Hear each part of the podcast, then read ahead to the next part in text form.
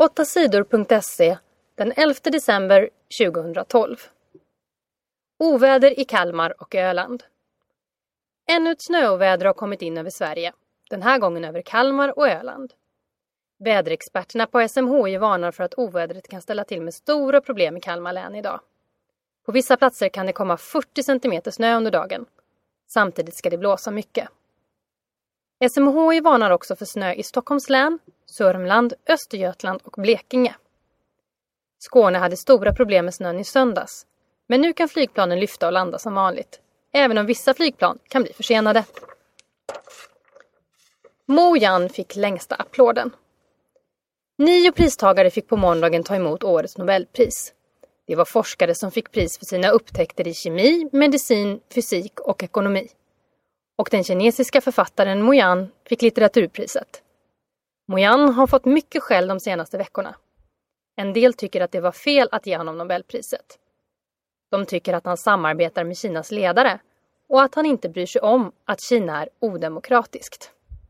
Det höll inte Per Westberg från Svenska Akademin med om. Ingen har berättat om orättvisor i Kina på ett så starkt sätt, sa han när han höll ett tal till Moyan. När Moyan tackade för priset fick han längst applåd av alla. Efter prisutdelningen i Stockholms konserthus var det stor fest i Stadshuset. Över 1300 gäster var bjudna till festen. De fick bland annat äta fasan med kantareller. För första gången på flera år var hela kungafamiljen där. De senaste åren har prinsessa Madeleine missat festen. Sverige spelade oavgjort i handbollen. Sveriges handbollslag klarade oavgjort i den viktiga EM-matchen mot Serbien. Sverige gjorde en stark avslutning i matchen. Serbien ledde med fem mål när bara några minuter var kvar av matchen. Matchen slutade 23-23. Det betyder att de svenska damerna fortfarande har chansen att ta medalj i EM. Men chansen har minskat. Sverige måste vinna över Norge ikväll, tisdag, för att få spela slutspel. Det blir mycket svårt. Norge är världens bästa lag. 17-åring dödade sin syster. En 17-årig pojke har varit misstänkt för mord på sin 19-åriga syster. Flickan höggs ihjäl med kniv i Landskrona i april. Nu säger domstolen att pojken är skyldig till mordet. Men det är inte bestämt vad han ska få för straff. Läkare ska först undersöka om pojken är psykiskt sjuk. Är pojken frisk kan han dömas till fängelse. Åklagaren vill att straffet blir åtta år i fängelse. Det är ett ovanligt långt straff för en så ung person i Sverige.